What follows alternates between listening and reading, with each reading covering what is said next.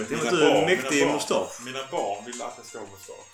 Men denna gången nu så, ja, men nu kan jag ha det för nu i november. Nej pappa, nej pappa. Vadå? Du ska ha skägg, du ska ju vara jultomte. Men alltså med den frisyren som du har nu och en stor jäkla mustasch. Alltså det, det, det, är liksom kulturarbetare eller jobbar på förskola alltså, som farbror Bosse. Det är Alltså en. Noel Gallagher. ja, så har man lite skäggstubb också så blir man white trash. Nog om mustasch i november. Mackan, välkommen. tack, tack. Gurra, välkommen Tack så tillbaka. mycket. Tackar. Ni hörde Nordahl. Absolut. Åsikter? Jag sa precis ut och sagt att jag inte har hunnit höra det. Jag kan inte riktigt ljuga denna gången. Jag har ingen aning. Svarar han på vilken pizzeria hade bäst pizza i Milano? Ja, det var en svår fråga. Han, vi gled över till bästa restaurang istället. Så att du får lyssna på Ja, jag bästa. skulle lyssna på det. Men annars var det många kloka svar och många roliga frågor. Väldigt udda frågor. Allt från då din med bäst, var köper man bästa pizzeria till Ja, eh, Min, mycket om man min också med. Mycket med din Hur fråga. var att vara son till en fotbollsproffs? Ja. ja, jag trodde han skulle ha ett längre svar på den. Ja. Men vad, vad sa du Gurra? Du lyssnade på det? Det märks ju att han, han, han älskar klubben, det kommer vi inte ifrån. Eh, Jag fick lite- roliga saker om hans historia, om, om han, liksom han som- som spelare och vad han har gjort och sådär. Så det var kul. Jag hade hoppats på att han skulle prata mer om den här 100-års jubileumssittningen när han hamnade med Schullit och Berlusconi. Jag läste en annat reportage om det. Jag tror inte någon minns så mycket från den kvällen. Nej, jag kan tänka mig. Det var ganska blöt kväll. Berlusconi var väldigt frikostig med allt. No shit. Sist eh, pratade vi bara om eh, när vi tvålade till lillebror i derbyt. Så att eh, det blir många matcher då. Alltså, största fokus på eh, av- avsnittet blir just våra matcher. Och sen så vi tar lite silly och sen hitta en shit. Och sen vi kan klämma in några lyssnarfrågor under tiden. Så att vi börjar direkt med eh, Europa League. Jag har lärt mig det. Det är inte Euro League utan Europa League. Ja, Celtic borta. Klipp inte bort. Men det Det är som vanligt menar du? Ja. Okej. Celtic borta. Neil Lennon, deras tränare. Och de spelar ett 3-5-1-1.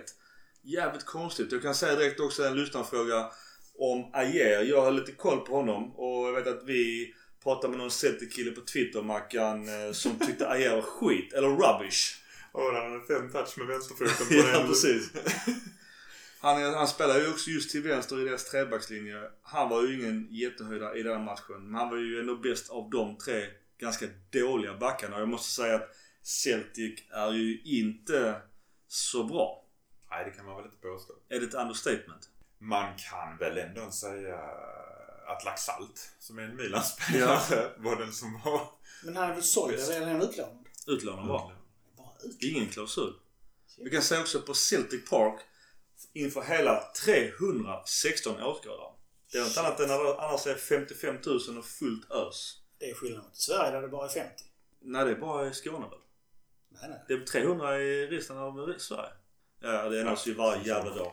Hockeyn är bara 50 vet jag. Ja, okej. Jag tänkte köpa, jag tänkte faktiskt köpa sådana pappfigurer på MIFs matcher. Kostar 400 spänn så gör man också det. Är det inte tillräckligt skämmigt att hålla på MIF? Jo. Men jag har inget val. Vad ska jag annars göra? Nog om hockey och pappfigurer och sponsrar. I alla fall, vi vinner med vårt 4-2-3-1 med Jag hade kunnat, 3-1. jag hade kunnat tycka det var häftigt om de satt en webbkamera på varje så du fick se det din pappfigur såg. Ja, då Så- kan man ju få så 14 etage. Det är inte så kul. Vi kan väl säga att eh, behållningen var väl att man tittade extra på Tonali som fick eh, lite matchtid och startade matchen. Vad säger vi spontant om honom? Han fick spela ihop med Kessie. Det var väl ett steg i rätt riktning om jag inte minns fel. Problemet här var väl att han sa, Milan sattes väl aldrig riktigt på prov. De hade stor respekt för Milan och inte av någon konstig anledning, men det har ju gått bra. Det var ju galet vilken respekt de hade för Zlatan. Han fick bollen så vågade in närma sig honom. De stod två meter ifrån honom. Jag fattar inte det. Stängde allt liksom. Han kunde inte gå någonstans men jag har inte, bollen från honom heller. Nej. Och det var ju lite där jag också hade hoppats på att Ajer då som är en stor jävla b- till norrman. Ja, han skulle klippa Zlatan och visa att ni ska köpa mig för att jag eh, är så bra och det är därför Maldini pratar om mig. Att sparka sönder Zlatan har verkligen varit rätt väg för att bli köpt tror jag. Eller vad säger du Micke? Det, det är ju... Ja men Staffan har också bråkat har ju fallit väl ut. Men i alla fall, det, var- det var en lyssnarfråga så jag klämmer den direkt. Jag tyckte utifrån denna ynka matchen att Ajer inte alls är värd de 30 det ryktas om. Vad säger vi spontant om eh, den ryktningen, eller det ryktes... 30 miljoner euro? Ja. Ja det här, oh, nej. Nej. Fan. Alltså från denna matchen, nej. Han är ju en bra spelare. Fast det är Den- stor skillnad på att vara back i skotska ligan och Italien. Förvisso.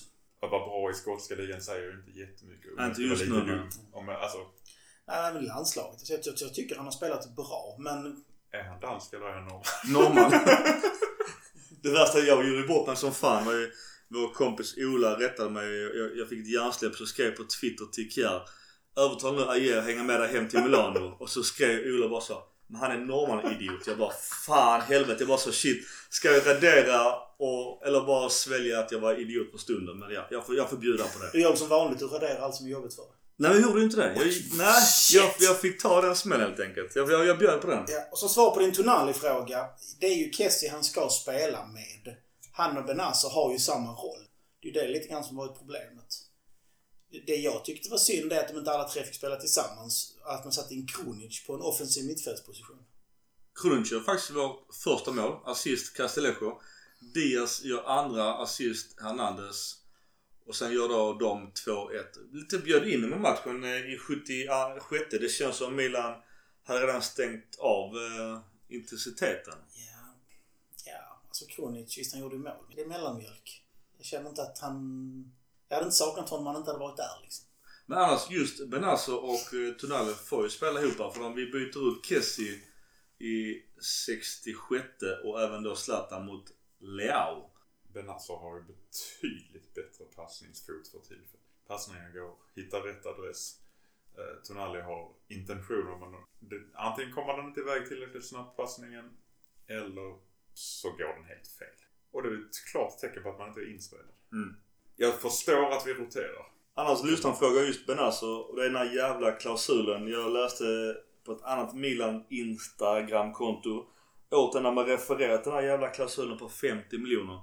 Vi har inte sett någonting eh, men det verkar att den hela tiden dyker upp. Så då är frågan om nu senast City som ryktades eh, var intresserad. De klämmer ju lätt honom för 50. Det är ju... Är det värt 50 för oss att släppa honom? Jag har ju sagt det tidigare. Jag tycker han är värd jag vet inte hur mycket men jag vill se om vi ska nå toppen och synnerhet topp 4 redan nu så kan vi inte sälja Benazer. Han är vår, jag vet inte, kan man, jag säger att han är fan vår bästa spelare. Poängen är att vi har inte så många bra första spelare så att vi kan sälja någon av dem egentligen. Visst, Tonali kan gå in, kan ta Benazers plats och komma växa i fatten under tid. De måste få in en ersättare. Men de 50 miljonerna måste, kommer ju gå till... Frågan är om vi får mer än en spelare av den kvalitet vi behöver för de pengarna. Vi kan väl ta en senare match på tal om Europa League men där fanns ju en Renato Sanchez som har varit ryktats till oss tidigare. Och efter matchen blev ju han återigen på tapeten. Men ja, det kan vi ta sen i, i den matchen. Men om vi vänder till andra halvlek där vi byter in eh, Hauge. Han gör mål, Hauge. Vi tar det senare, så tar du hela storyn ändå. Nej men, nej men inte, inte den. Inte, Kör. inte Renato. Hauge kommer in istället för eh, Diaz och eh, gör mål i 19 plus 1. Jävligt snyggt. Eh, återigen gör Salamakers målpass. Vad säger vi om det, hans lilla inhopp eller hans avtryck? Alltså Se- Selemakers har verkligen gått från, som jag, var det två avsnitt sedan jag sa att jag tyckte han, han var inte riktigt där kvalitetsmässigt. Han har verkligen växt något enormt. Du Alltså, får han- revidera helt enkelt. Nej, men då, då tyckte jag han var lite, lite bla så här. Han sprang mycket men det hände ingenting. Nu händer det saker också. Så att han har gjort en jättebra utveckling. Ju någon, jag såg någon bild också där hans värde då låg på 20 miljoner euro. Och jag tycker också det är dels värdet i sig men att han även återigen uppkallad till belgiska landslaget, A-landslaget. Att det visar att hans utveckling är enorm. Alltså gå från en no-name bara som en fan i han. Till idag vara alltså startman i Milan, landslagsman och nästan tripplat sitt värde på, vad kan man prata om, ett halvår.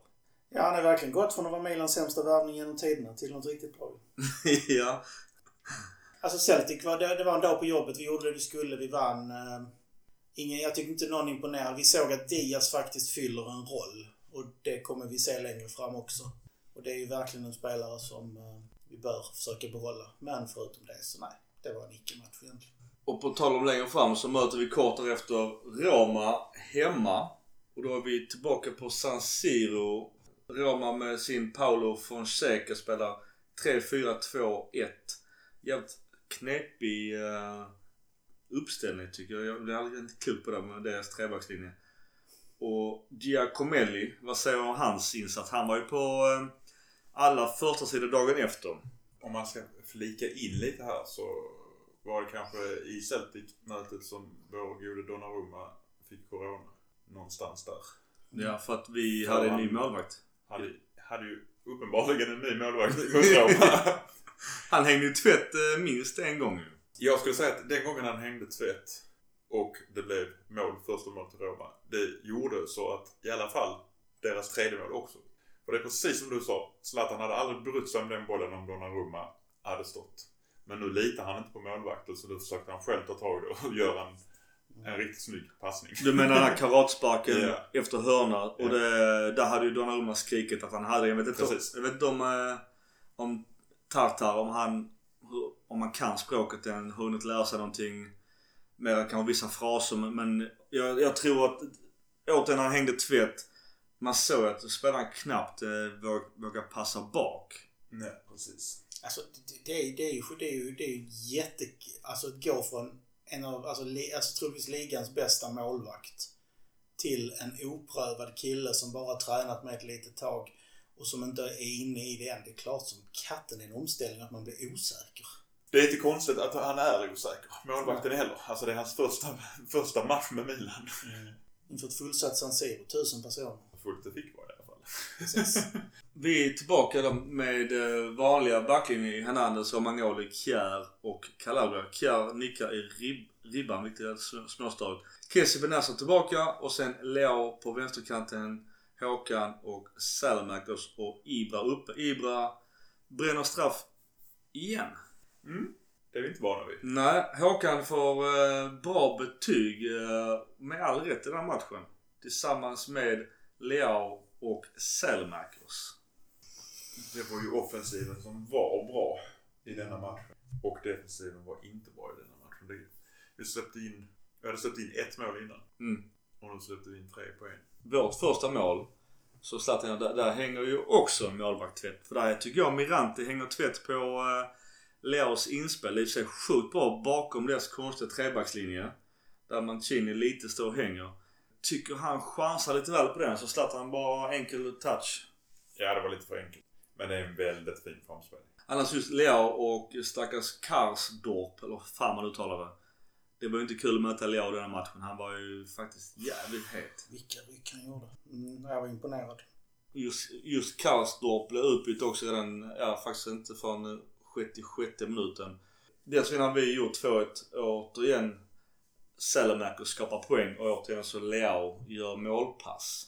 Deras 2-2 mål är också en straff. Vad säger du om den straffen? Benazor, uh, det blir ju inte... Blir det ens VAR på det? Vilken då menar du? Den felaktiga i där Benazor är först i bollen. Det är ju inte straff. Eh, det kan omöjligt varit blivit den. Han verkar, han var så säker på sin sak. Alternativt så, jag vet inte. Så här är det väl Gurra rättar mig om jag har fel. Yes. VAR ska kontrollera situationerna och påpeka för huvuddomaren om det är något han ska titta på. Precis. Och VAR-domaren måste ha varit och pissat helt enkelt. Mm. Sen kan VAR-domaren också, och det var det jag skickade till dig. Att VAR-domaren i det här läget, eh, det är ju så att det ska vara om det uppenbart är att domaren bedöms att inte ha sett situationen eller uppenbart gjort fel. Så antingen har VAR-domaren helt missat det någon, någon källa sa att den, han inte hade koll på att han fick lov att gå in och ändra ett sånt beslut. Han kan ju bara rapportera ner. Sen måste huvuddomaren ta beslut om han vill titta på det. Och tydligen så har han inte fått någon kommunikation här, eh, Giacomelli. Så det är ju faktiskt han som är offret i det hela, tycker jag. Ja, för det har kommit ut också efteråt att det var VAR-gubbarna där satt och sov. Jag vet inte om de hade tidig julafton. Men eh, jag kan någonstans tycka Giacomelli, när man får sån reaktion som alla Milan-spelare ger honom efter den här straffen. Att man måste ha lite taktkänsla, taktkänsla och tänka Okej, det här kanske var fel. Jag, jag kanske får ta en dubbelcheck på monitorn. Alltså har du sett en italiensk match? Det, Ja, det, det- spelar ingen roll hur Ja, men det, straffen det var, ja, men alltså, även jag, jag fattar att det oftast är sånt jävla hallå kring alla straffar. Men jag tror det, det blev, de var ganska lugna och timida. Tills de valde att inte se på VAR. Det var då Milan-spelarna flippade ut med all rätt. För de var ju, alltså jag satt ju själv och tänkte på ja, ja men det där kommer bli avblåst eh, på en sekund. VAR-rummet kommer säga du, du är ute och cyklar. För Benazer är ju klart först i bollen och blir tacklad och får straff mot sig. Jag, jag kan köpa det att han blåser initialt. För, alltså, så, när jag såg det så såg det ut som han som Benazer går in och klipper hälen på Pedro. Det är först på reprisen som vi har lyxen att ha. Där vi ser tydligt att det är Pedro som trampar på Benazer. Så att jag menar alltså... Jag, jag, jag, jag, någonstans- Jag kan jag också förstå att du kan blå... För grejen är att det blir enklare att blåsa straff när du vet att VAR kan kontrollera det. Ja. Så varför kontrollerar man inte det? Nej. Och då har ju troligtvis varummet inte ringt ner. gå tillbaka till, är du en erfaren domare. Du har Benassa då som ligger och är förstörd av den här tacklingen. Där är x antal spelare som protesterar efter att det inte blir ett VAR-beslut. Jag är nog lite, lite nervös bara så shit, är jag så jävla säker på min sak? Och att inte ens vilja se på VAR. Alltså det, jag, jag tycker det är direkt felaktigt och en usel taktkänsla som domare på den nivån. Att inte säga så, okej fan, jag får kanske dubbelkolla för att slippa det här skitet. Förra säsongen, säsongen satt 90% av alla i TV, alla journalister, alla tyckare och klökte ur sig på att det tog så lång tid. Det var så lång väntetid. Så därför var de väldigt tydliga med nu att domaren ska inte på eget initiativ ta till VAR. Utan det ska komma från VAR-rummet och då ska han ta det. Sen så har vi en annan grej här. I en perfekt värld så köper jag det rakt av det du säger Micke. För att i en perfekt värld så fuskar inte spelare. De, bryter, de, de, de, gör, de, de klagar inte om de är skyldiga och så vidare. Problemet är att de här spelarna fuskar, försöker påverka, filma. Domarna är alltså så jäkla ute. Du kan inte gå på spelares reaktioner för de har lärt sig att agera så som de vill ha domslutet. Jo men inte så många. Alltså, jag, Jo, jo, jo, jo, jo. Nej, alltså jag, jag eh, håller inte med. Vi kan gå ner på en division 5-match. Jag kan hålla med Gustav. Samtidigt så är det ju ganska uppenbart att han blir påverkad. För Milans straff är ju inte heller ett straff. Det är ju det är ju ett skämt tycker jag. Jag vet faktiskt inte vilken orsaken är för det har inte framkommit. Nej, De har det var och som trillade Hakan. i, och han var långt från... Han var, ja, lång men det var farligt spel. Jag vet inte om det är det de menar där. För att vi vet inte de officiella anledningen till varför han fick det. Men uppenbarligen är ju domaren påverkad på något sätt. För att det där är inte straff. Nej, jag, jag, jag ser inte heller att det är straff. Då är det 1-1 i straffar, då ska vi inte klaga. Men Det är fortfarande dåligt. Alltså det är en dålig domare. Och han har ju blivit avstängd, var det två eller tre veckor? För att han var dålig. Har, har, vänta lite. Har, vi, har du verkligen källor på att italienska fotbollsförbundet gått ut och stängt av en domare? Eller är det alla de här ryktena som säger att han inte hade någon match? För det är faktiskt så att domarna har viloperioder i schemat. Har han haft matcher som blivit strukna? Eller är det så att han bara inte hade matcher på ett par veckor? Ja, det, det kan man ju också tri, tri, dribbla med ju. Ja, eller så kan man skapa sig en sanning. Ja, Från det att de går ut och säger att han är avstängd, då kan jag köpa. Eller man ser att det är tydligt bortplockat. men jag kan, Annars- jag kan tänka mig att förbundet där... Ja men du, det, nu är det läge för en paus. Alltså jag tror inte att man vill bara hänga ut. Du, du var skit. Därför är du avstängd två veckor för att du var skit. Men, då, men det är samma varugubbarna. De har ju, om man nu ska, visst det är klart att man, det, det står inte på AC Milans hemsida att de var skit. Och varugubbarna var skit. Utan det är väl någonstans som man såklart som att han tar internt. Det är väl ingenting vi får ha någon säker källa på att gamla kollegorna står och säger det här var skit därför att de är avstängda. Det är därför jag säger att vi kan inte säga att de är avstängda. Det kan vara en viloperiod som var planerad, vi vet inte.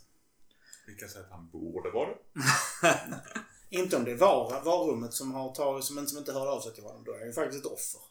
Hans, alltså att han blåser där köper jag. Och Hade vi inte haft något varum och hade vi inte haft repriserna så hade ingen protesterat.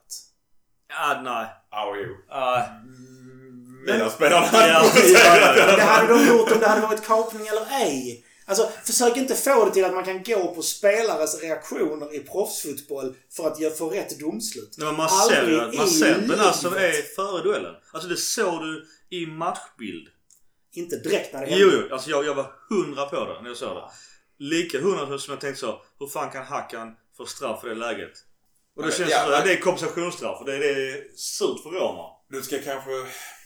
Man kanske ska formulera om reglerna för VAR då. Eh, Blåser domaren straff skall VAR-domarna kolla situationen. De, de ska alltid kolla dem på VAR och höra av sig om det är ett uppenbart fel som domaren har begått. Det står klart och tydligt. Jag tycker att det är fel. Två, två fel straffade. Skitsamma vem det är. Om det är huvuddomaren eller Ja, VAR-domaren. ja. Men, men ta bort dem, det är inte det som avgör matchen. Nej, det som avgör matchen är att vi har en... Jag citerar eh, Galliani. En jävla kukmålvakt. Hade Donnarumma stått hade vi vunnit, det är jag också säker på. Alltså, för det första hade de inte Roma gjort sitt första mål. Nej. Det hade ju inte hänt. Och återigen som jag sa tidigare, Zlatan hade ju antingen, eller förmodligen också släppt den bollen vid hörnan. Ja. Varför spelar vi inte med killen som har en tre eller fyra raka nollor i Milan? Jag fattar inte, jag var rätt säker på att eh, storebror skulle stå i den matchen. Jag förstår inte varför han, eh, rumänen, skulle stå här. Att han går från, var inte han typ bänknötare även i franska ligan? Han spelar en del. ja, det är ju svårt att veta vem, varför. För Antonio vill jag tro... Eh, har ju inte spelat jättemycket han heller. Nej, jag, jag köper det att eh, Antonio inte spelat ett piss av förklarliga skäl. Men i sånt här läge så tror jag språket är väldigt avgörande. Både när det kommer till hörnan där han hänger tvätt och även då målet där Zlatan kör sin karatespark. Och det är ju direkt språklig brist. Ja, vi kan väl i alla fall konstatera att, att Donnarumma är ganska viktig för den eh, defensiva stabiliteten. Japp. Och du, då glider jag lite snyggt in på en lyssnarfråga. Är han då värd de här, det ryktas allt från Japp. 7, 8, 9, 10 miljoner i kontrakt? Han är värd 12 om man skriver tillräckligt långt kontrakt. Mackan, vad säger du? Pratar vi bara sportsligt eller bara ekonomiskt eller totalt? Du får vända på det precis hur du vill. Du har all tid i världen. Det. Du klipper bort mig när jag säger det. Tog bort allt utom ja och nej. Precis. Donnarumma är värd väldigt mycket pengar. Dock, just i den situationen han är nu är han nog värd mer i lön. På grund av att vi vill förlänga det så att vi skulle kunna sälja honom för mycket pengar. Om vi tvunget ska sälja honom. Men han är ju inte oersättbar. Alltså, Jag tycker det är en position som faktiskt är, jag ska inte säga att den är enkel att ersätta. Men den är enklare än många andra positioner. Ja, som spelare. Men det finns ett annat värde också som jag har suttit här och pratat om innan. Och det handlar ju om den fanbärare han är. Det är alltså italienska landslagets målvakt. Den status som Juventus har fått i alla år genom att ha Buffon. Den har vi i Donnarumma. Vi har alltså italienska härförare. Den som står för landslaget. Den, han, är- alltså han är så ung, han kommer, vara, han kommer vara italiensk landslagsspelare i över 20 år till. Om han bara håller sig skadefri. Att tappa honom, marknadsvärdet för honom går knappt att mäta. Det är därför jag har sagt 150 miljoner pund. Ja, då kan vi börja prata, eller euro. Då kan vi börja prata. För det är vad han är värd i det långa loppet för Milan. Vi kan få in en spelmålvakt som kanske är nästan lika bra. Men han kommer aldrig bli den, vad ska vi kalla det, eh, galjonsfiguren som, som Donnarumma är.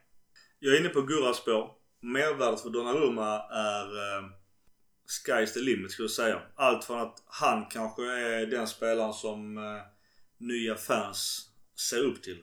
Och allt det du sa precis Gurra. Och någonstans så vill jag också bara säga om man bryter ner det i det enkla svart och vitt. Han har jävligt hög lön redan nu och han kanske vill ha dubbelt. Är man värd det som när man är född 99? Nej det är klart man inte är. Men, men nu är fotboll så. Det är en kommers. För, vissa är beredda att betala så mycket för Ronaldo, Zlatan och Donnarumma. Det får man bara acceptera. Man kan inte jämföra det. Däremot, om vi inte har Donnarumma i mål. Då kanske vi får ha en annan spelare. Och ska vi ha... Förhoppningsvis. ja, Jag, tror att du kan stryka kanske i den meningen. my bad. Det jag vill ha sagt är att vi måste ha in en annan spelare. Och det kommer att kosta pengar. För vi kommer inte ha rumänen eller storebror och Plissari är ju långt ifrån där heller. Vilket innebär att ska vi köpa någonting i liknande kvalitet så kommer inte det vara kaffepengar heller. Och Det kommer kosta 200-300 kanske. Och då vill jag hellre mycket säga att då får vi behålla Donnarumma. Och jag ser också han som lagkapten vi pratade om tidigare. Romagnoli, Donnarumma lagkapten. Jag tycker Donnarumma är enormt mycket större som person på plan när han är lagkapten. Och det är också ett av mervärdena. För, att för mig, jag ser åt den, för att summera massa bullshit här. Donnarumma, ge han vad fan du vill. Men inga klausuler. Långt kontrakt. Så långt Utan klausuler. Ja, ja, ja. Roland får, får göra pizza hur mycket han vill. Det var inga jävla klausuler på Donnarumma. Man kan du väl säga något? Ja, jag vet inte om jag har mycket att komma med nu. Det finns alltid två sidor varje mynt. Är du med Micke? Ja, ja. Vi slår honom.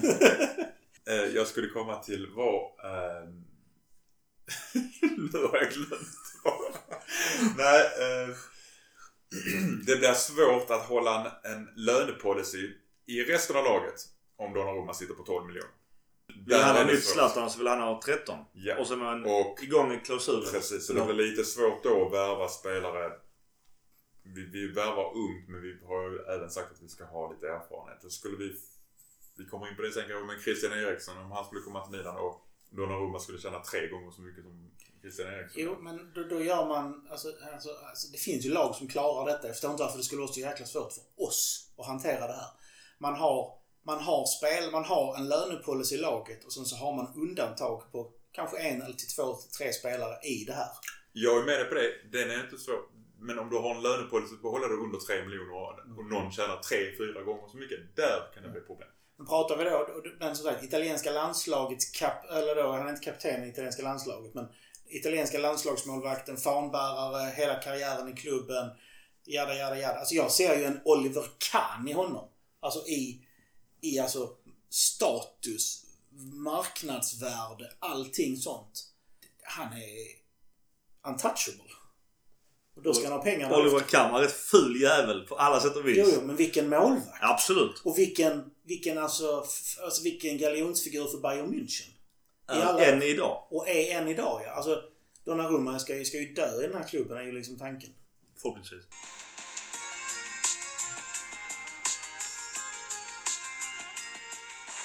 Jag ska bara påpeka peka att Micke har rätt. Donnarumma är en mycket större person än Romagnoli. Han är 11 centimeter längre. Fair enough. Hur mycket väger han med Vikten vet jag faktiskt Han måste väga mycket mer. Ja. Men på tal om... eh.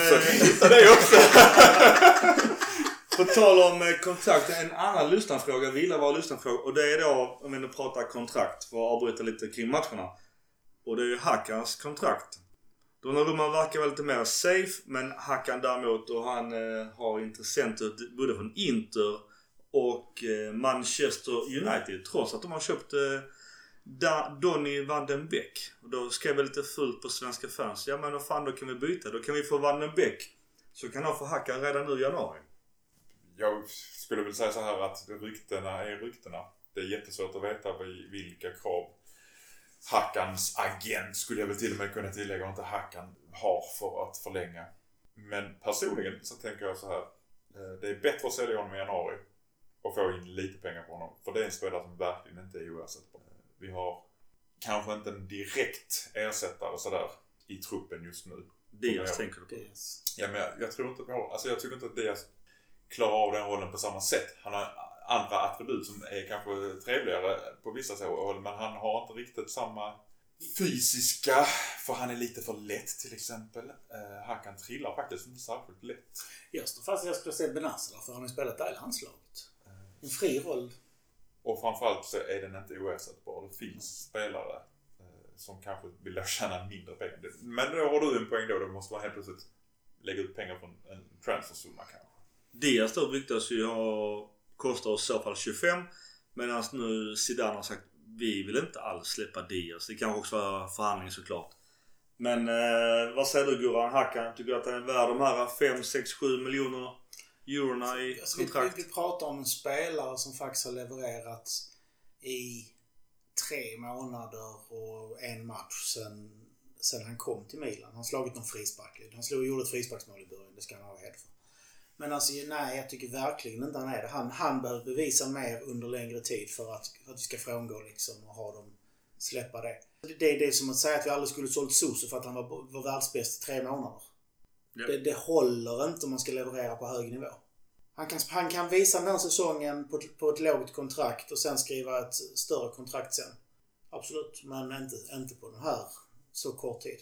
Jag kan till och med se han gå som bossman i sommar om vi når en fjärdeplats med honom och viss stabilitet och lugna vågor på vattnet. Att bara så fine Hackan, du vill ha så mycket pengar. Vi kommer markera att vi, som du var inne på, vi kommer ha kanske två, tre keyplayers. Zlatan, Romagnoli, Donnarumma. Pang! Resten har vi lönetag på kanske två och en halv.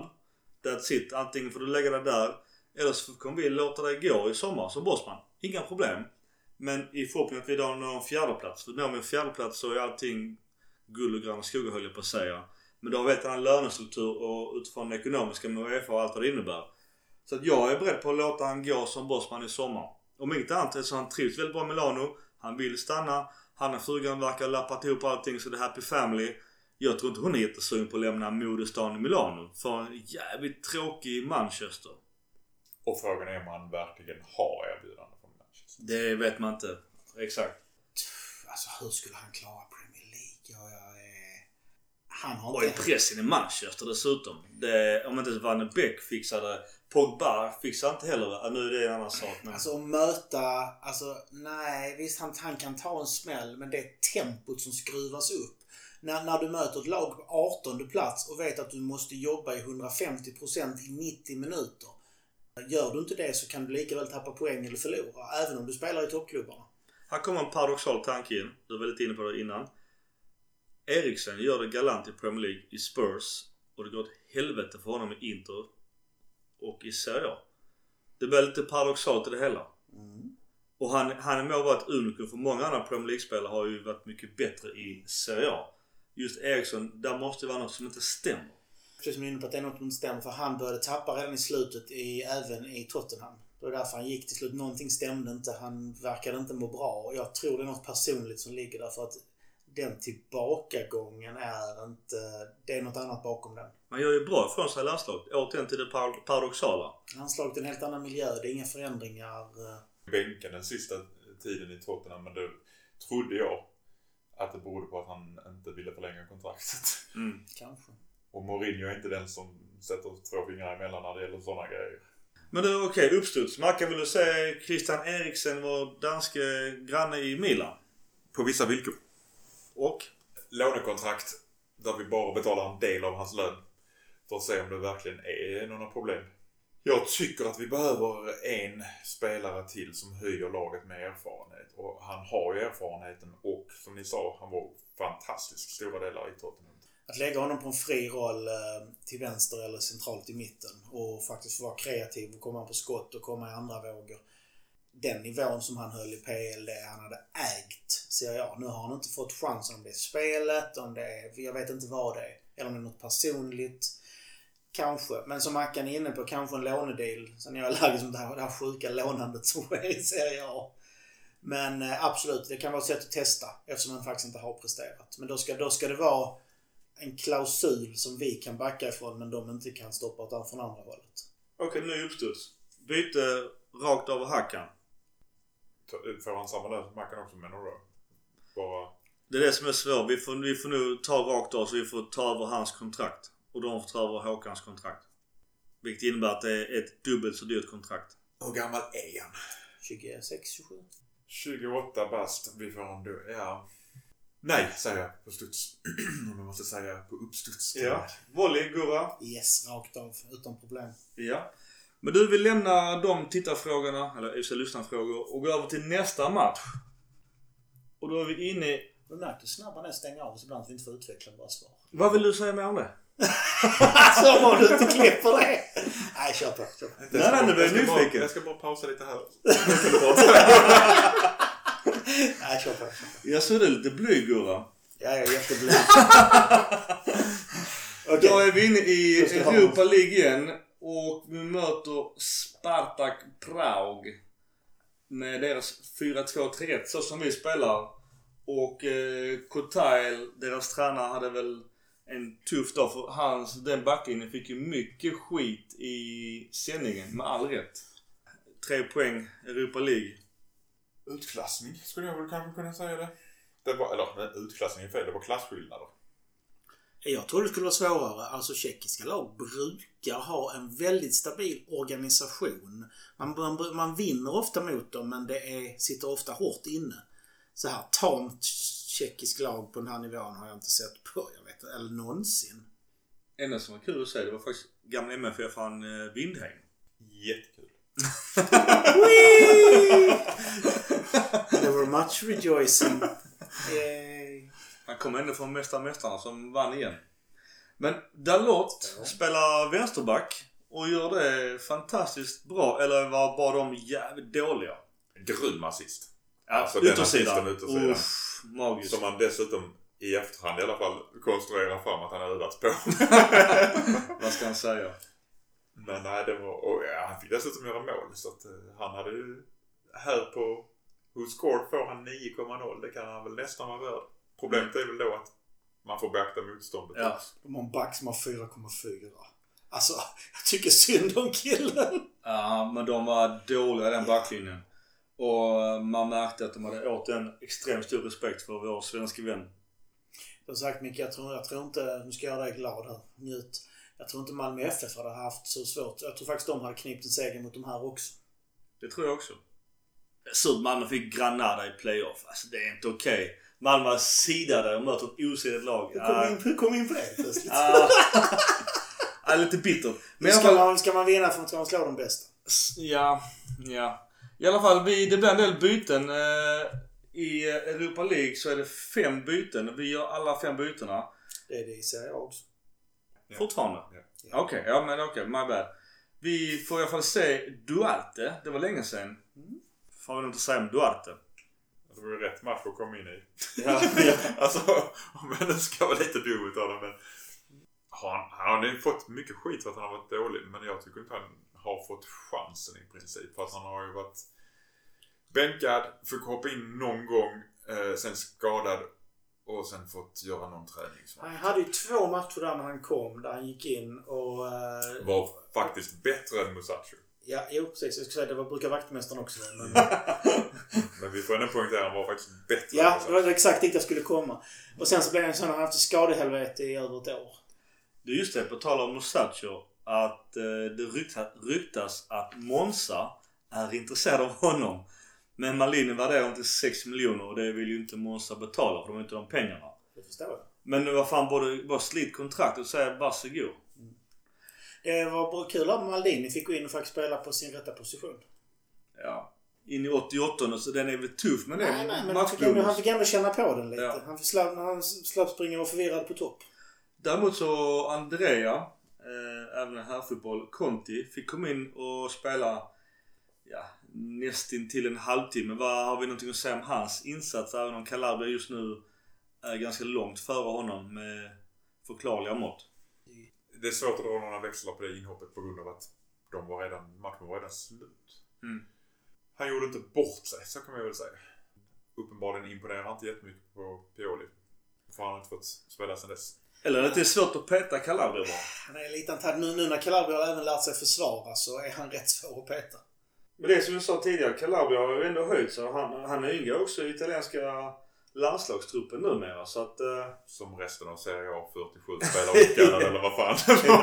Men du, hälften fick ju inte åka så att då sprickte vi ihop truppen. nej, nej, Calabria ska ha, ska ha cred. Han har gjort det bra. Han har fortsatt på den utvecklingskurvan han hade för ett år sedan så att säga. Eller innan förra säsongen. Jag tror det är mycket mentalt också för honom att han får ett kvitto på dels att han petar Conti men även då att han får en landslagsplats eller uppkallelse eller vad man nu vill kalla det. Att det är ett kvitto på att han har varit jävligt bra. Och jag tror att, eh, hoppas att det sporrar honom till att ta ytterligare steg eller i alla fall vidbehålla den formen han har spelat och presterat. Som sagt var, vi behöver förmodligen sälja en på den positionen. Nu har vi ju bara lån av Diego Dalot. Dalot kanske. Alltså Dallas-stjärna. Precis. Eh, som egentligen på något sätt har ju bevisat sig vara en nyttigt lån med tanke på att han faktiskt kunde spela vänsterback och gjorde det. Än en gång beakta motståndet men helt okej. Tata Rusano eh, hade fem skott på sig som knappt var skott. Eh, fick 6,6. Höll nollan. Det är ett tydligt tecken på att de inte var så... inte var så bra. Nej. Målvakt som håller nollan brukar ha med. Ja, on target noll. Exakt. Han gjorde en jättebra match. Ja, men alltså hålla nollan och bara få 6,6. Då är det ju bara så. Ja men vi har ju sagt att de här betygen är lite hittepå. Vi fick återigen se i Europa League eh, Tonali och Benazzo tillsammans på mitten. Jag tycker inte att jag ser någon större utveckling än så länge av dem tillsammans. Även om Tonali var ju klart mycket bättre i den här matchen än allt annat han visat tidigare. Ja. Det var ju klart hans bästa match för Milan hittills. Ja, faktiskt. Han hade väl något inhopp också som har varit helt okej, men det... Han behöver spela mer. Han måste bli inspelad. Eh, Det är rätt att spela honom i de här matcherna. Spartak Prag, har någonting mer att säga det? Väl- Det var väl roligt att en svensk... Han var ju nog ändå den, den friska fläkten. Moberg Karlsson. Ja. DMK. Var, han var väl i Norrköping innan va? Norrköping. Han var väl, alltså jag ska inte säga att han var lysande på något sätt, men han ville mer än resten av laget när han kom in. Jag tror han gjorde antingen mål eller assist i omgången därefter för sitt Prag mot Celtic. Ja. Eh, Han, Diaz var bra, kan vi väl också tillägga. Han tog ju eh, Hackans roll där som var... Hackan fick väl någon skada helt enkelt, va? Var det inte så? Så han satt kanske på bänken, men han... Han verkar inte Eller så så. drabbades han bara av kontraktsbrist så att han Kan vara det. inte, orkade, inte orkade spela. Zlatan missade straff. Kanske man ska tillägga där att hade den gått 20 cm längre ner hade han varit en hjälte. För det hade det varit mitt det hade varit rakt i krysset. Ja. Så att, Men eh, det kanske är dags att låta Kessie slå straffarna numera. det har han ju själv sagt. Så, Jo, jo men precis. Jo, men, men alltså, han kanske skulle sagt det redan då. Det sa han redan innan senaste matchen. Men han skulle sagt Däremot så sa han jag kanske borde låta Kessie slå dem. Kanske. Mm. Kanske. Det där kanske Han har ju kommer- han media kommer- i Italien snappat upp deluxe. Han kommer aldrig släppa en straff om inte Pioli beordrar honom och knappt då. Vet inte ens om det räcker. Nej, precis. Det skulle vara om han redan gjort ett mål innan. Ja. Nu frågar Kim Källström. Den är så ful. Det värsta är Kim och stackars efter matchen. Men men de hade ju en plan. Första, andra och tredje straffskytt och Kim var ju etta men ja. Så blir det när man spelar med Zlatan. Nog om eh, Europa League. Vi går vidare till Udinese.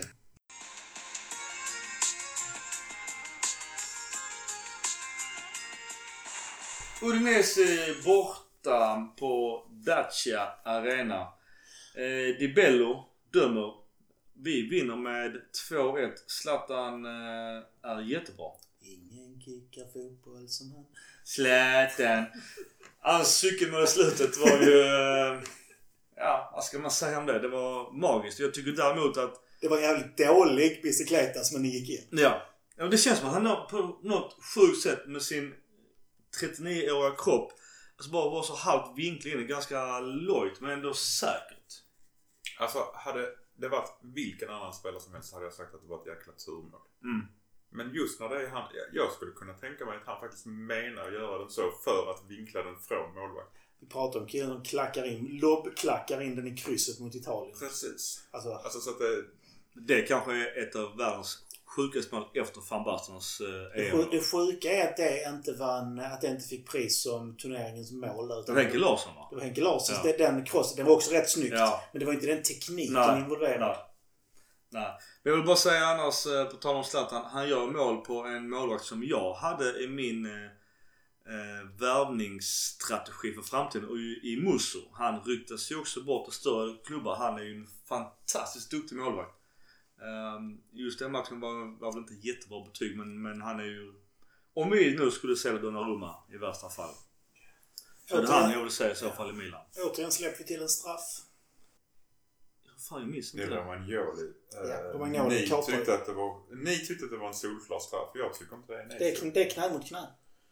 Jag tycker han tar bollen innan han rör spelaren överhuvudtaget. Du får ändå inte mangla på det viset. Du får ändå inte gå in knä mot knä på det viset. Om du tar bollen innan. Jag Du får, du tycker- får inte döda någon bara för att de har bollen. Alltså det, det, här, det här är inte Premier League på 80-talet. Jag tycker faktiskt inte att den är solklar straff. Nej, men det är knä mot knä. Så att, Jag sa också Du sa solklart? Ja, det sa jag. Och det är inte ofta du säger nej, det. Nej.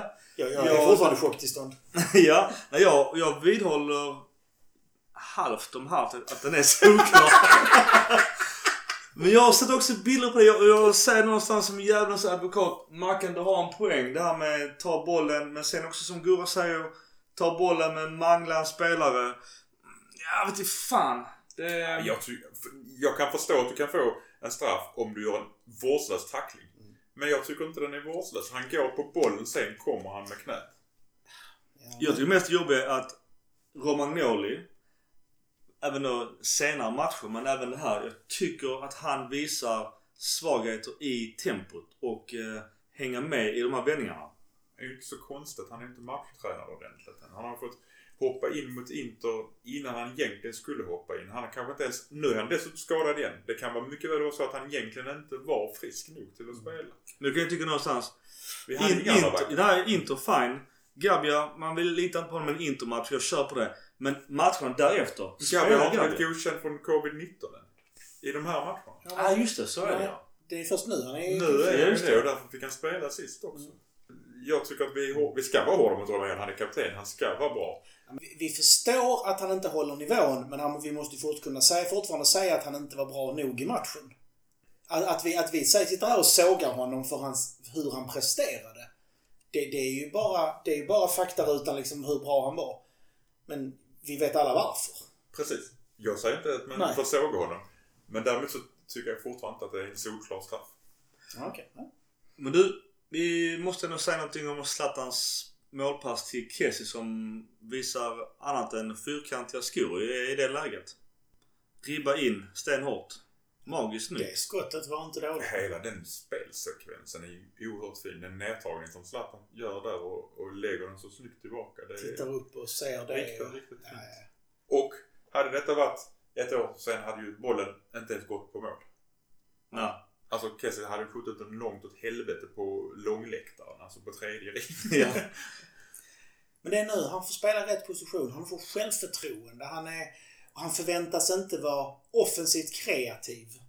Så att han kör, han får spela sitt spel. Det märks. Han är glad på planen. Det är skitkul att se.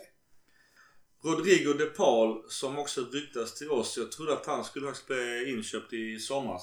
Han gör deras mål på straff. Eh, jag tycker annars han var ganska dålig som annars brukar vara ganska bra i deras eh, 4-3-3 som Luca Gotti ställer upp med. Eh, jag tycker Milan tappar åt den väldigt mycket intensitet efter deras 1-1 mål och det är inte förrän vi byter ut Ja, tyvärr både Tonali och Diaz kommer in. Då börjar det hända grejer i Milan.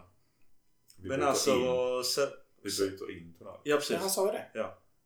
Jag, jag, jag vände på orden för att jag, jag var på väg att säga fel. Okej. Uh, I uh, Benas och, Selmax hade vi ingen jättebra dag för en gångs skull. Och eh, sen nästkommande byte när vi äntligen får in Rebic. Jag tycker att han visar direkt att han är en startman. Han vill. Det syns. Det är kul att se som att alltså, glädjen. Han vill visa. Han vill spela. Han vill springa. Han vill göra det här extra. Rebic är framför allt betydligt villigare att ta hemåt jobbet. En Leon. Än Leo. Men Leao är en boxspelare och det ser man. Alltså det här med när han, när han gör sina ryck. Han är snabb, offensivt och så vidare. Men det, det är den här klassiska anfalla, offensiva spelaren. Alltid roligt i offensivt men hemåt är inte så Och det funkar om du har en spelare som gör det. Men nu har vi ju två.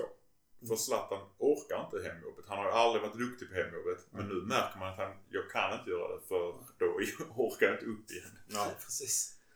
Men innan vi gör vårt mål i 83 där Zlatan gör sitt konstmål. Så byter uh, Udinese in en Fernando Forestieri. Och ja, vad fan, vem fan bryr sig? Men jag måste säga att han var på en... Uh, Satt för det var katten du skulle Ja, nej, nej. Jag, jag minns så väl. För han var på en sån här Wonder Kid-lista bland Europa. Eh, där han var nummer ett på någon lista. Jag kommer inte ihåg vilket år det var. Men det, det var efter van der Waart och de här. Men det var, då var han... Han var etta. Kan, jag kan kanske hitta någonting om det. Nej, men det kan ju stämma att han har varit på topplistan på European Golden Boy. Det vill säga de mest lovande unga spelarna. Men det är lite så. En av många som går väljer Premier League-pengarna och sen försvinner någon jävla brunkarklubb där. Han gick väl, vad sa vi, Sheffield Wednesday och det var väl inte så kanske kul att spela i det laget som en ung eh, superlovande italienare med offensiva kvaliteter. Han har inte italienare då. Han är neutraliserad. Ja, han spelade två pass. Han är argentinare. Skit i han. Eh, I alla fall. Men Delafeu. Ja, jag skulle säga det. Vad tycker vi om honom? Där, vi kan gå in på samma, vi kan komma in honom, på honom på samma spår. Hur roligt är det att ha spelat i Barcelona och Milan och sen Watford?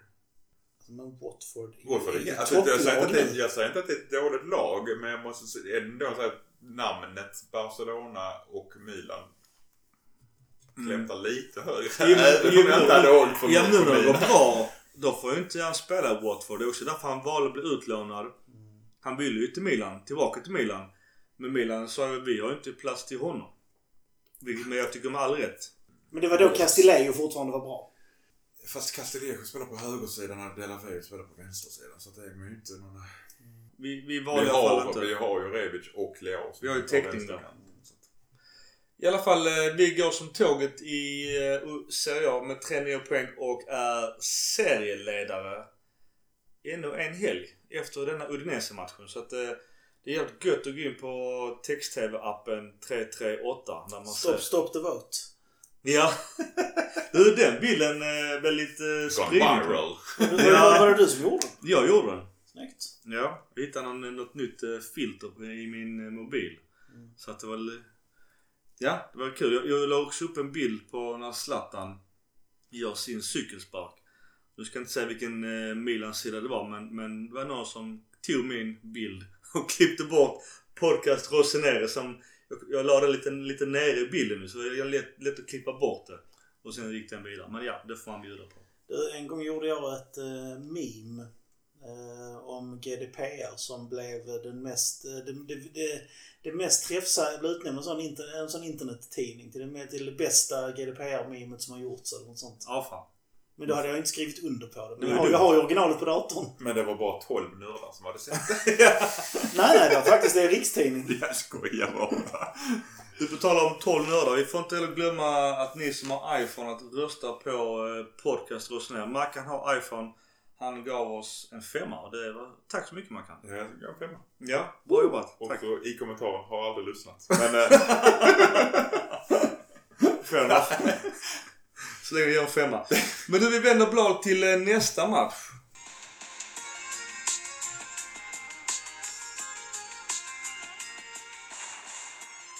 Och då är vi tillbaka i Europa League och möter Lille. Men eh, de var inte alls små i den här matchen. De var faktiskt riktigt stora. I sitt Det där är 4-4-1. banne mig en TV4-övergång. Ja. Skäms! Jag hatar TV4. Eller det gör jag kanske inte i och för sig. Men eh, i alla fall, de har lekstuga med oss. Kan man säga. Jag tycker innan målet. Och detta kommer låta jävligt lökigt och halvt pinsamt. Återigen till straff och Romagnoli. Här däremot tycker jag att det är jävla kalanka fasoner av han jävla Yatzy-killen. ja. Den är väl rätt så bortdömd den straffen också. Menar vi- du Yazizi? Ja. Tack. Och jag håller med. För fram till dess så hade vi inte jättemycket offensivt. Men jag tyckte att vi hade rätt så bra kontroll på matchen. Tycker också det. Och jag tänkte att det här är en, en sån match där vi, vi, vi kontrollerar och sen gör vi mål på en kontring. Mm. Men efter den billiga straffen så tappade vi det för då var vi tvungna att anfalla. Jag måste bara säga att Christophe Galtier hade gjort läxan mot Milan, definitivt. Mycket ju bra läxa på Milan. Däremot så finns det tyvärr en tendens när Milan får ett mål i röven så går vår intensitet ner väldigt mycket. Och jag tycker jag har sett det redan mot Celtic. Vi såg det mot Udinese och vi såg det definitivt här nu mot Lille. Jag vill inte säga att intensiteten går ner, men det inföll någon form av desperation. Du som säger, han, han hade verkligen gjort läxan. De lät oss komma upp, de lät oss kontrollera, men stängde varenda yta som fanns. Snabba omställningar, långa skärande bollar. Jag vet inte hur många meter våra ytterbackar sprang, men det är nog rätt rejält. För de fick, alltså det, det kom ju skärare hela tiden. De sökte David och Yazizi, eh, Renato Sanchez, eh, Ägde mitt ägde mittfältet, det är rätt ord ja. Han är det som Tonali ska vara för oss liksom. Jag säger, vi, möter, vi har just Tonali och Kessie på vårt eh, inomhusfält där. Också en lyssnarfråga. Renato Sanchez, om vi nu säljer antingen någon av våra tre mittfältare i, eller det är väl kanske bara Kessie och Benassa som är aktuella för eventuell försäljning. Men är det läge att köpa in Renato Sanchez? Jag skulle säga honom i så fall som ersättare för Hacken. Om vi ska prata rakt av ersättare. Men har han den rollen tycker du? Ja, ja, alltså det, där spelar han ju portugisiska landslaget när de vann EM-guld. Midfielder center right. Jag vet inte om han är en liten AMC som här kan jag se honom mer som. Men han är född 97 så han har ju verkligen åren framför sig. Jag vet inte vad han kostar. Jag kan tycka någonstans att det är väl där Paul Singer ska väl mixtra med, med böckerna. Så att helt plötsligt så att han hamnar hos oss. Matchen som helhet så tycker jag att vi är, vi jag förstår att vi roterar. Men hade vi vunnit den här matchen så hade vi väl mer eller mindre säkrat avancemang. Ja, i princip. Jag tycker vi är lite fega i att vi sätter... Tittar vi på startelvan så är det ju inte vår bästa startelva. Du har Krunic från start. Du har... Eh, Som vänster. du börjar med Tonali och Kessie. Du skulle ju haft Benazer och Kessie från början om du skulle mm, spela för att vinna. Det är bättre att byta in dem i- sen i så fall. Men för jag kan köpa att man i de här matcherna spelar med... Men det är ju här, det är här det brister. Det är här vi ser att vi inte är en storklubb. För en storklubb hade kunnat ställa spelare tvåan på alla positioner på plan här. Bänka ordinarie-elvan, sätta ut alla ersättarna och inte ha så jättemycket kvalitetstapp. Vi är ju inte där. Vi byter ändå in både Hakan, Leao, Hauge och Rebic. Så att jag vet inte fan alltså. Jag, jag, jag vill någonstans bara tro att vi blev tagna på sängen. Återigen, de hade gjort läxan och vi kanske ställde ut skorna och hade en dålig inställning för dagen. Jag tror det är ett uppvaknande vi behövde. Någonstans också är det ganska skönt att om vi nu ändå ska förlora det här, vi pratar rekord, eh, mer än 20 matcher utan förlust. Och så förr eller senare kommer förlusten komma och då ser jag hellre att den kommer i Europa League. Där vi inte ska satsa i år utan vi satsar på ligan. Sen att det kommer till Lille, ja, det kanske också är rätt motståndare för att vi ska gå fullt mot Celtic och eh, Prag. Och så går vi och Lille vidare ändå. Sen är det såklart mycket skönare att bli gruppetta få en lättare lottning sen i slutspelet. Vi kan ju ändå bli gruppetta. Det är Absolut. Inte så. Det, men De tappar ju poäng Lille. precis. Mot, mot eh, De eh, var uttröttade. Vi hade dessutom faktiskt vår högerkant var Dallo och Castillejo för både Calabria och Sälen. Sä- Sälen. Sälen, Sälenbackar så är ju skadekänningar. Sälen är ju skadad nu. Han blev ju hemskickad från belgiska landslagsträningen. Eller samlingen. Men sammanfattningsvis, de hade gjort sin läxa, de läste sönder oss, de ställde om, kontrade sönder oss. Och det, ibland springer man på de här matcherna. Jag är glad att det ändå var Europa League och det inte var i ligan det här hände. Jag tror knäcken hade blivit rätt hård om det hade varit i ligan. Men jag håller med dig Micke, den mentala inställningen när vi ligger under. Vi hade inte den inställningen efter coronauppehållet i förra säsongen. För där, vi hade, titta bara Juventus-matchen som man nu ska ta ett, ett extremt exempel. Men där hade vi ju verkligen, nej vi hade ju den här jävla anamma istället. Men vi går ner. Jag tror det handlar om Zlatan var inne på där, han börjar bli lite sliten. Stämmer det så har vi gjort 10 matcher på 21 dagar. Mm. Och det är inte konstigt med tanke på att truppen är tunn. Nej. Och det är det här som nog kommer att avgöra till Juves fördel i slutet av säsongen, att de har ju bredden. Framförallt och Inter också. Inte i backlinjen. Jo. Alltså att ändå kunna ställa tre så bra backar på planen när de har så många skadade. Det tyder ju på viss bredd. Fråga. Du lyssnar väl också på intervjuavsnittet? Ah, Intersnubben, jag har glömt vad han heter. Där du, Nima. inte, du behövde inte ställa några frågor. Ja. Jag håller med honom för att Ja. han har faktiskt en poäng. Nej, det var derbyintervjuavsnittet va? Derbyintervjuavsnittet. Mm. Ja, han har en poäng.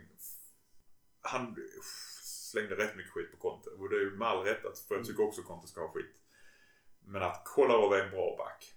Nej, Jag sa inte bra, jag sa namnkunnig.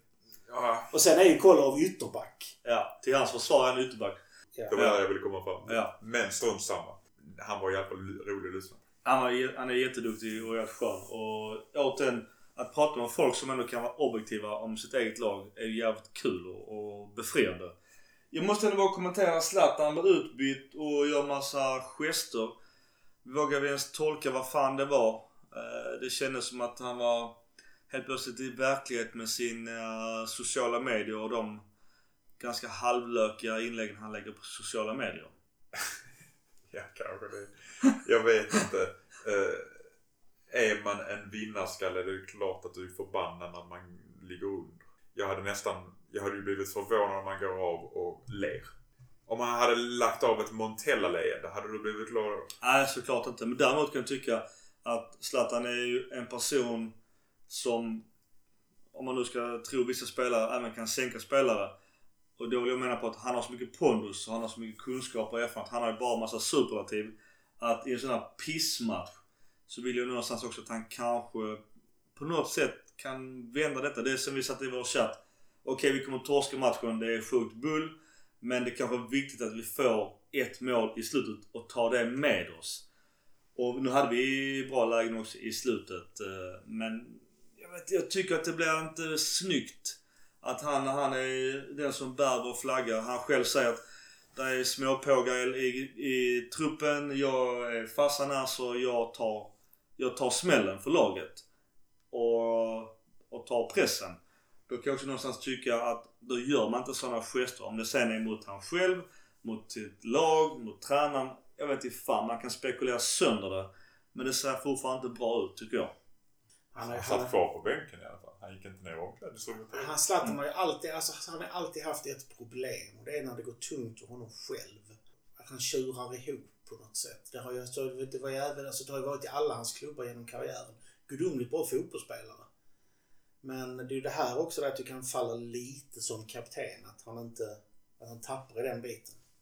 Det var det också jag pratade med, med Nordahl sist. Det var en av frågorna om Zlatan är kaptensmaterial. Och det är lite här han visar att han inte är det. Mm. För att när det blåser som snålast, solen i ögonen och motvind. Det är då man som kapten ska ändå bära. Och jag tycker tyvärr att han faller igenom där i, i den gesten och även sina gester överlag på under hela matchens gång. Och det var en skitmatch.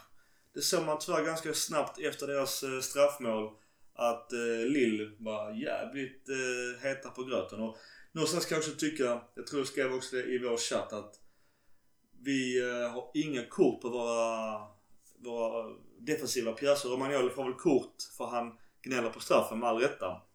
Men en sån som Sanchez som springer och dominerar mittfältet. Hade jag varit tränare, nu är jag ingen fair play kille. Men då hade jag Oh, sagt, då hade jag sagt till några grabbarna. Okej, okay, Kessie du tar ett kort, Tonali du tar ett kort. Men Sanchez måste vi plocka på något sätt. För han springer runt och äger. Och det ska inte han göra på San Siro. Det räcker med att sätta Ketsi och punkta honom i 90 minuter så hade inte han rört bollen. Han kan gott få lite stryk också kan jag tycka. Det ska inte vara skönt att komma till San Siro och springa, latcha runt där på mittfältet. För att han och Cheka, de hade lekstuga med vårt mittfält. Och sen så måste jag säga att både Bamba och i Kone är jävligt snabba med boll. Och de, de straffade oss hårt som fan på kanterna. Zlatan har alltid visat sitt missnöje på något sätt när han inte är nöjd med någonting. Eller hur? Kommer du ihåg att han gick ut och drack öl på någon landslagssamling när de hade fått lov att, eller de hade fått förbud att göra Ja. det ut? Han, Mellberg Han, har, du, har du någonsin hört att han går ut och dricker öl? Nej. Mer än den gången. Lite trotsig unge. Precis. Och Det det är lite, jag tror att han inte alls gillar uppställningen som jag var inne på i början. För vi gick inte in för att vinna. Inställning med Inställning, ja, men uppställningen också. Ja. För du har inte en uppställning som du har vunnit mest matcher med. Nej, det är sant. Ja, det är en bra spot. Mm. Det är inte omöjligt. Ska vi lämna Lill? Det var, var plump i protokollen. Ja. Nu, nu eh, behöver vi inte bry oss om nya rekord i alla fall. Jag vet inte om Capello var svettig ens. Det var väl fantastiskt bra att gå så långt utan att förlora en match. Ja, jag tycker det är fantastiskt bra.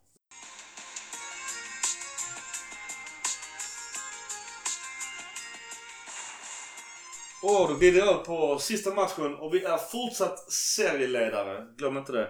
Och vi möter eh, Hellas Verona hemma. Ett ganska skönt lag. Först och främst eh, Leao, straff. Jag såg inte det själv under matchens gång. Men det har ju loopats bilder där deras eh, spelare mer eller mindre sular Leos vrist. Har du sett rörliga bilder på detta eller bara stillbild? Jag har sett rörliga bilder Både också på det. Ehm, De uppmärksammade faktiskt i sändningen också men inte jättemycket för det hände... mm, Vi hade ganska mycket anfall där i slutet. Min Det är en gång, där ska ju VAR i så fall Ja. och påpeka detta. och det är min poäng också i det hela därför jag tog upp just den här bilden. För ja, man kan diskutera straff eller inte eller var missade.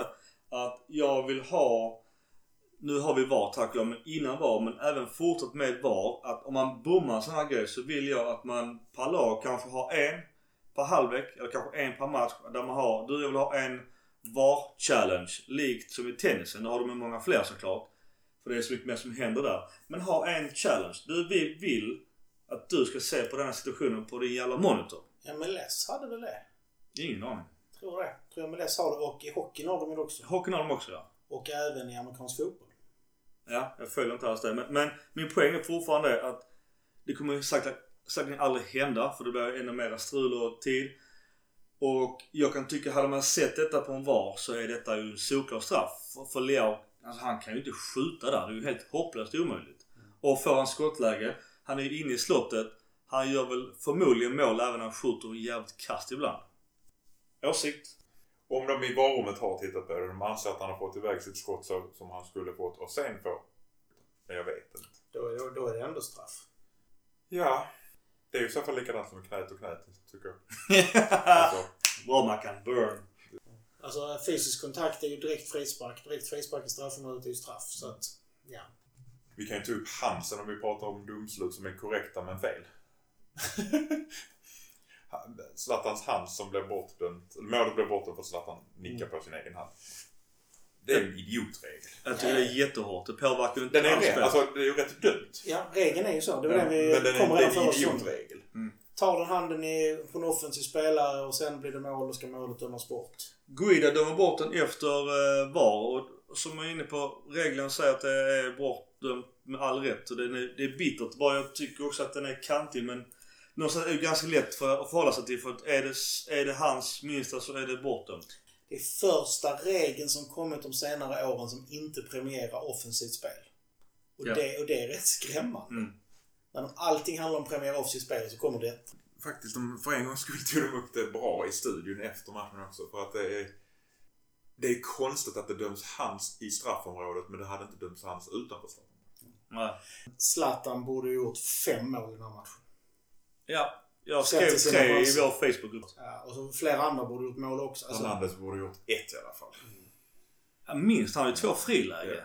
Jag sa ett i alla fall. Ja. Så att vi, så att vi, ska- vi ska inte skylla det här på domslut utan vi ska helt enkelt konstatera att laget behöver träna avslut.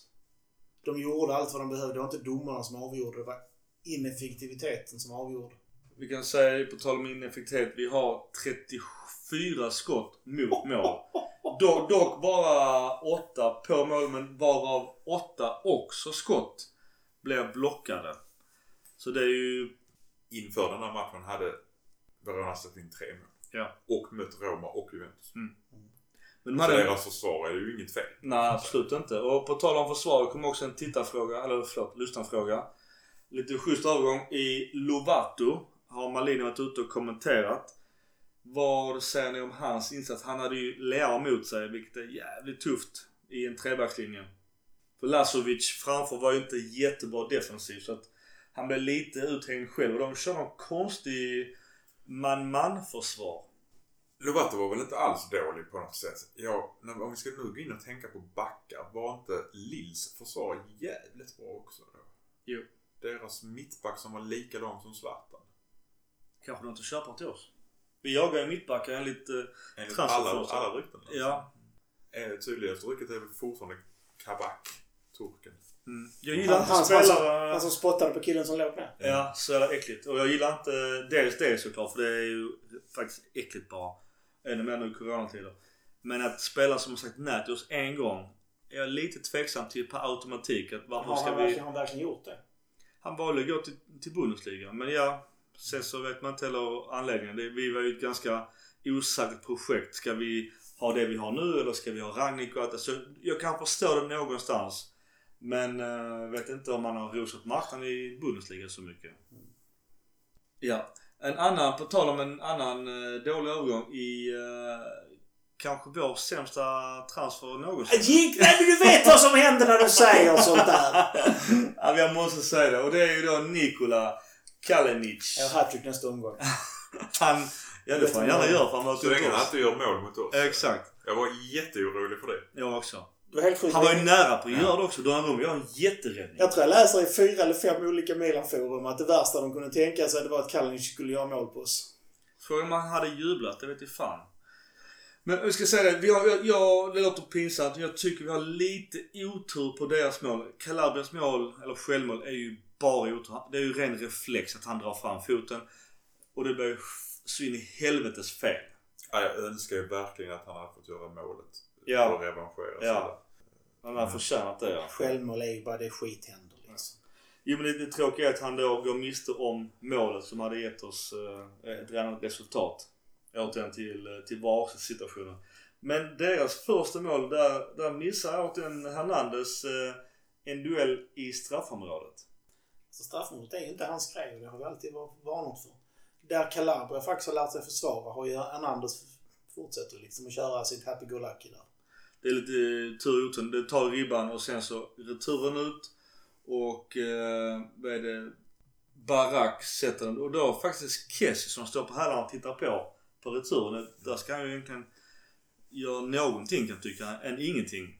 Det var väl en eh, hörna igen. Ja. Var det inte det? Vi är väldigt bra på fasta situationer. Vi är skitdåliga Ja. defensivt och vi är fan inte bättre offensivt. Jag läste någonstans att det har gått, vad fan, över 45 hörnor utan mål. Och då måste vi göra någonting annat. För det, vi, kan ha nästan upp mot 50 hörnor utan mål. Och Och, och, och, vad är den gemensamma nämnaren? Vem slår 90% av alla Ja, det är hörnor? men jag skulle precis komma fram till det. Det är inte nödvändigtvis att hörnorna är jättedåliga. För vi gör inte någonting av. Just mot eh, Verona så vi kanske då får tänka på att de har ett bra försvar. Nej, någonting måste vi göra för fasta situationer måste vi göra mål. Att Vi kan inte Och ha inte så dålig släppa in stats. så många. Nej. Det, det är som du säger, vi har för dålig stats defensivt på fasta och vi har ännu sämre stats offensivt på fasta. Och då får jag säga, jag hatar korta hörnor. Men om vi har så dålig stats på hörnor då, då kanske man till och med ska börja köra lite mer korta hörnor. Vem skulle lägga hörnorna annars? Benazer skulle kunna slå hörnor i alla fall på den ena sidan. Ja. Vi vet inte vem som är bra på hörnor egentligen. För Tonali har fått lägga några när eh, Hakan inte varit där och Mm. de har inte varit bra. Nej. Helt för korta. Ja, de kommer inte ens fram till mål. Nej. Vi jagar då för de börjar med 2-0 redan efter 19 minuter och sen så blir det ett självmål i 27. Eh, Jag hoppas på att Kessie skulle revanschera sig från, från deras andra men det blir också ett självmål. Och sen så känns det som en ganska lång transportsträcka till eh, att vi ska kvittera men det, det tar inte för 90 plus 2. Ska vi se positivt jämfört med lillmatchen så viker vi inte oss mentalt. Nej. Utan vi ökar ju. Och det är här lite jag tycker det fallerar att vi skulle gå ner och så vi ligger under. För att vi gör inte det här. Det är därför jag ska säga att vi ska inte ta bort Lills prestation med att spela rätt mot oss. Här var vi ett bättre lag, utnyttjade att vi var ett bättre lag och vi hade inte en coach som avslöjade oss och inga spelare som klarade av att avslöja oss. Utan vi hade ju denna matchen. Och titta på uppställningen. Jämför laguppställningen. Mm. Vi är tillbaka till det bästa. Gabriel istället för Romagnoli till exempel. Ja, och Leao istället för Kronic framförallt. Alltså Ja. om vi tittar offensivt. Det är det jag menar. Mot Lill tror jag att han försökte göra någon form av defensiv grej. Förstod inte riktigt uppställningen. Men jag kan tycka om man ser på uppställningen så får man ju inte glömma en... Eh... Salamakers. Exakt, exakt! Vi förlorar inte med Salamax på plan. Men det är ju här, Gurra med det intensitet det är, och det är ju just eh, både mot Celtic, Lille och Udinese att när de gör sina mål så blir vi sämre. Inte, inte resten av hela matchen men vi är i periodvis sämre. Ja, men här får här, de gör ju två snabba här och sen äger vi allt efter det. Sköt Zlatan 14 skott? Ja, Det är sjukt. det är det jag menar. Att även om, även om de får göra två snabba här i ligan så, så klarar de inte av att utnyttja det för att vi fortsätter trumma på. Jo, vi har ju inget val. Alltså vi Nej, nej, nej, nej. 2-0. Men det hade, vi, här, hade vi inget val mot Lille heller med. Ja, jag menar på att Celtic, var redan klart och eh, mot Udinese var det ju fortfarande krysset. Här, här ligger vi som under. Ja, Hemma. men det var ju som mot Lille. Ja men Lille Europa League. Det, det, jag är Du menar, du att menar att vi är svagare mentalt i Europa League än i ligan? Nej jag menar på att vi hade en usel inställning mot, mot Lille i Europa League från början. Det- Inställning kanske, men det jag menar är att deras coach var smartare än vad Hellas Veronas coach var. Alltså inget ont om Djuric. Ivan Djuric tyckte jag var bra den i fjol. Och det är något lag som blev sönderköpt lite i fjol. Uh, jag tycker att han... Alltså det är jävligt vansklig trebackslinje. Och återigen till man-man. Ett bättre lag straffar ju Verona med 5-0. Och vi borde åt 5. Men Micke, vi är det bästa laget i Italien just nu. Absolut, vi är serieledare. Vi får inte glömma Det ska vi inte ta fram. Det har gått sju många och vi är... Vad har vi? Två poäng ner. De möter Napoli nästa. Den är rätt tuff borta på Gattusos hemmaarena. Jag brukar säga att efter tio omgångar så brukar man kunna se vilka som är topplagen och vilka som är bottenlagen. Så att ge det tre omgångar till så... eh, På tal om Napoli, deras överklagan mot Juventus blev ju avblåst. Av eh, rätt naturliga skäl och ganska väntat också ska sägas. Men jag tror det är ganska bra för oss. Även då Romas överklagan blev ju också uh, denied. Men annars 2-2 mot Verona. Jag tycker ändå att vi är bra. Jag tycker vi definitivt förtjänar att vinna. Alltså vi äger denna matchen. De hade egentligen ingenting förutom mål. De hade någon halvchans där i slutet. Colly. Colly är det va? Den han drar. Han, han är ju inne i målområdet och drar nästan till hörna. Eller till inspark. Mm. Vid hörnflaggan. Eh, men förutom det har de ingenting. Vi, alltså vi, vi plockar sönder dem fullständigt. Jag tyckte inte vi gick ner så överhuvudtaget här utan ja, de fick två. Ja, så att. Då här vinner vi ändå. Det var ju tanken och så bara trummades det på. Ska vi analysera Hernandez och Leao-samarbetet och jämföra Hernandez och Rebic-samarbetet? För här kunde man se det ganska tydligt. Att Hernandez har mycket mer defensivt ansvar när han spelar med Leao. Än han gör. Han, han, anfaller, han vågar anfalla mycket mer när Rebic är på plan. För att de samarbetar nog bättre i defensiven också. Ja, men sen har du det att när, i och med att Leao är så snabb så behöver inte han göra de rycken förbi eh, försvararna. Så att Leao sköter ju det och då kan han ligga lite, på, lite längre ner. Medan när Rebic har inte den snabbheten. Spelaren reagerar lite beroende på vem man spelar med. Samma som man ser Calabria, han spelar med Salmakers. Så är han mycket bättre mycket mer offensiv än till exempel när Castellejo spelar där. Mm. Eller Diaz. Att då, då tar Calabria ett mycket mer defensivt jobb och är knappt över halvplan. Och då kommer säkert också många skrika på Calabria, han gör ingenting, han är knappt över halvplan. Nej men det kanske också beror på vem har du som högerback, vänsterback framför dig på mittfältet? Helt avgörande, som du är inne på. Det hade varit roligt att räkna hur många bakåtpass Hernandez gör med Leao på plan och med Rebic. Ja. Jag kommer inte göra det. Men det hade varit roligt. Ja. jag tycker han passar mycket mer bakåt än att utmana. Jag tror han har fått direkta direktiv att du skall inte göra det. Team of the month. Oktober var en bra månad för Milan. Vi har tre spelare med i Hernandez, Leao och Ibrahimovic. Resten är då Belotti på topp. Pedro, Pellegrini, Bernardi, min favorit Bernardi. Och sen Di Lorenzo, Acerbi och en ny från Sassuolo i... Kirikles. Kirikles. Kirikes. Kirikes. Perikles. Perikles. och sen så Perin i målet i Genoa. Kul att han har fått komma tillbaka efter hans bänknötande i Juventus. Men eh, vad säger vi om våra tre spelare? Sammanfattningsvis. Lite förvånad att han andas faktiskt. nu har jag inte sett alla andra. Det kan alla andra vänsterbackar varit sämre. Ja, precis. Det kan väl vara så. Det lär de ha varit om han är med i och för sig. Mm. Han har ju inte varit dålig, det är inte det jag säger. Men han har ju inte varit offensivt. Han har ju inte varit alls likt förra säsongen. Jag tror nästan mer få att ha med Kjär istället för Theo Hernandez. Jag satt precis och sa det. Alltså jag är fascinerad över lite kärlek Kjär får i de här. Men det är som vi pratade om innan att det... Han gör inte de här spektakulära grejerna utan han är bara konstant stabil. Så att, ja.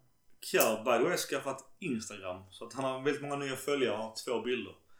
Jag försöker såklart jaga honom på intervju men det lär ju inte hända. Det som är roligt just med Team of the Month är att det inte en enda Juventus-spelare. Ja, det gillar Det är inte en enda Inter-spelare. Alltså det är lite grus i deras maskineri. Jag tror att eh, Pirlo får såklart hela säsongen men Conte återigen till honom. Han har ju hög lön så de kommer inte kunna sparka honom. Men där är ju lite ånga i det loket. Det finns ju en spelare som är, hade varit given att värva i. Bernardi. Tänkte honom och så Zlatan strax bakom. Jo men hur ska vi... Då måste vi byta taktik. Nej. Sätt eh, Zlatan som officiell mittfältsposition där han spelat bra innan. Men han jobbar ju inte hemma sa vi precis. Det är så när, som Hackan gör det på det viset heller. Ja men Hackan löper tycker jag är nog ganska bra defensivt. Jag måste ändå säga att Adam Sultan har en poäng. ja. Ja, inte det? Kessie Ke Alltså Kessie har ju varit fantastisk. Vi kan inte med ha fem Milan-spelare. Nej, kanske inte. Det här är bara, bara baserat på snittbetyg. Så. Ja. Och på tal om snittbetyg. Zlatan blev man of the match. Man of the month. Man after month, oktober. Och det är är väl helt rätt. Han leder skytteligan och har varit helt avgörande för Milan. Så ett stort grattis till den gamla MFF-aren. du menar Hammarby-ägaren?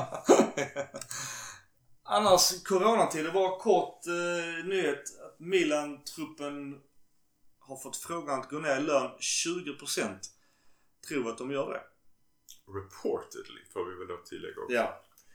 Juventus gjorde det redan i fjol fråga sina större och de gick med. Jag tycker väl bara det är rätt. frågan är ju fri om inget Ja. annat. Alltså, Sen- det är rätt att fråga. Ja. Det var det jag menar. Ja. Sen får jag det- så, kommer man göra det som kollektiv eller kommer varje spelare ta det beslutet eller säger man när alla gör si eller så? Poängen är att om klubben går in och pekar med hela handen och gör det så har spelarna rätt att bryta sina kontrakt. Det är därför de aldrig kommer göra det. Och med en viss Raiola som eh, agent så ska man vara väldigt försiktig med sånt. En stilla undran. Eh, har du lust att katta din lön 20%? Nej, fuck you. Okej, my bad. Uh, next. Jag tror inte att de blir mycket mer tjafs än så. Här kommer de ju lägga det på spelarrådet. Spelarrådet får prata med spelarna. Sen får alltså det är så det går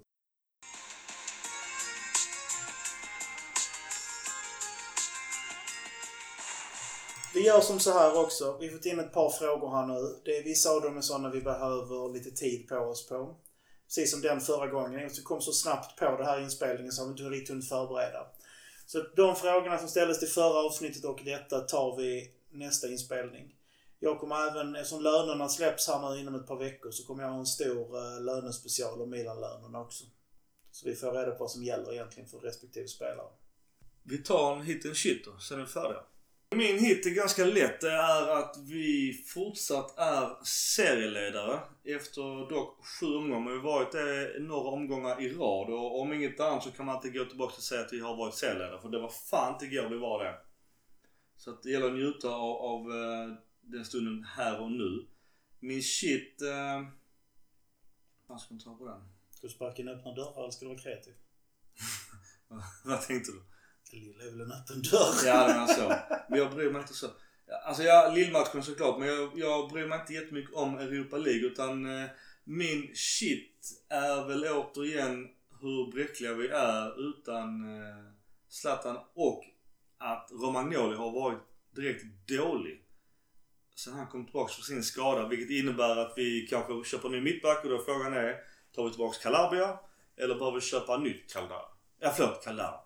Så det är väl lite orosoment på vår egen kapten. Eh, hitten är ju Zlatan. Hur han eh, presterar, hur, han, hur mycket mål han gör, hur han leder laget. Men han är också kitten.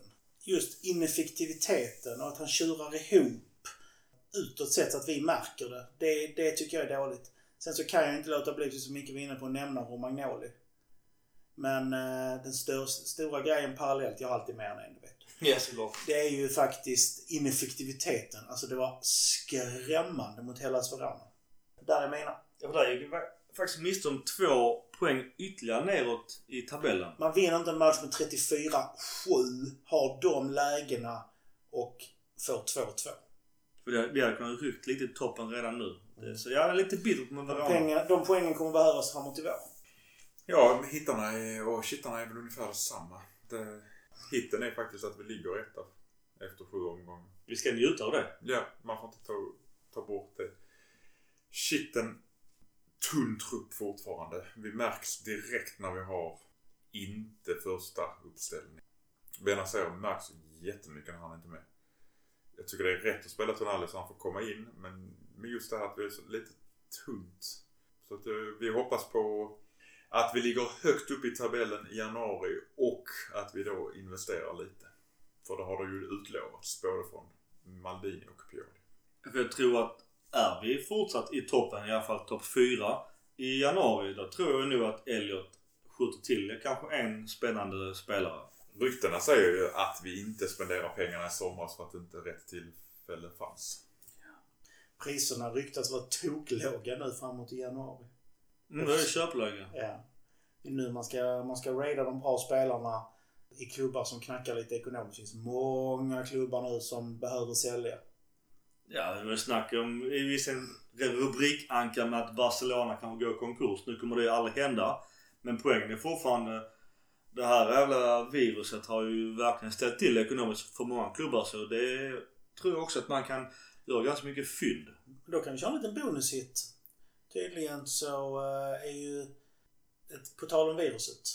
eh, Tydligen så är ju, finns ju ett vaccin nu som snart går i produktion som har 90% i framgång istället för de beräknade med 70 som normala vacciner. Och det Skönt. är ju rätt positivt. Hoppas verkligen för det känns inte som att det blir något normaltillstånd i samhället innan vi har ett vaccin. Så att har vi tur så går det, finns det ute efter nyår. Och då kanske vi kan få i alla fall en normal, normal vår. Om vi har tur. Då var det San Siro i vår. Forza Milan! Som Så är det.